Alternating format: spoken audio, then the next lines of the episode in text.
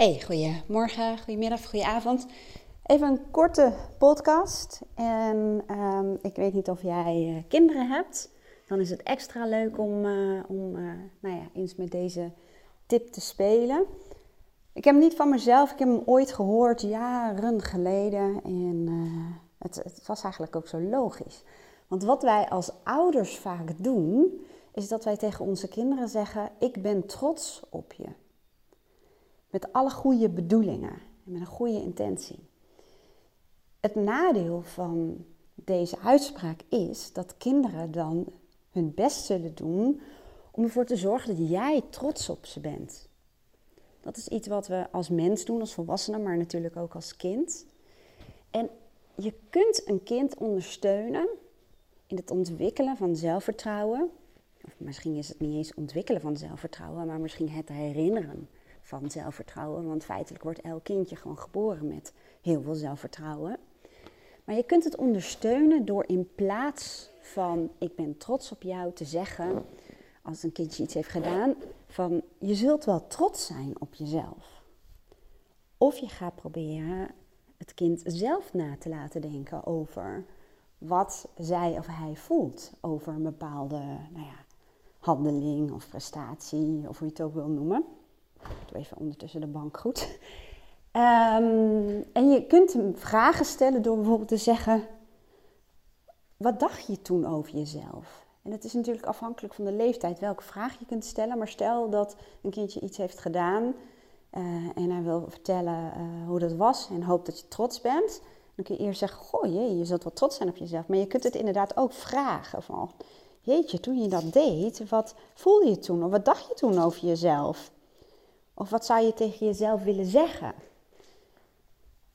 En dat helpt om uh, meer ja, gemotiveerd te zijn. Dus eigenlijk dat de motivatie vanuit het kind zelf komt.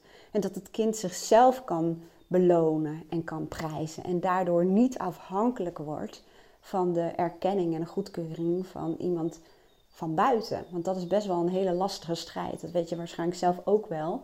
Want het is kwetsbaar. Want ja, je kunt niet altijd beïnvloeden uh, wat iemand over je denkt. En uh, goedkeuring krijg je ook niet altijd als je dat nodig hebt.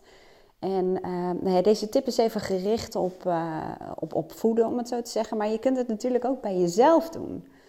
Dat op het moment dat je ja, voelt dat je iets goeds hebt gedaan of iets wat je graag zou willen delen. En je merkt bij jezelf dat je op dat moment heel erg graag de goedkeuring of de erkenning wilt hebben van iemand anders dat je even stil gaat staan bij jezelf. En uh, nou ja, deze zin tegen jezelf zegt van... Ik ben echt trots op mezelf. Of ik, ik vind het echt fijn dat ik dit heb gedaan. Of ik, ik ga vieren dat dit me gelukt is. En als je bij je kinderen of bij jezelf nog een stapje dieper wil gaan, dit komt uit oplossingsgerichte coaching, verbind dan nog meer de, ik noem het even prestatie, ik vind het eigenlijk niet zo heel erg fijn woord, want prestatie is ook gericht op goedkeuring van buiten, maar nou ja, de handeling of wat hij heeft gedaan aan zichzelf. Door te zeggen, bijvoorbeeld, hoe is dat jou gelukt? Hoe krijg je dat toch steeds voor elkaar?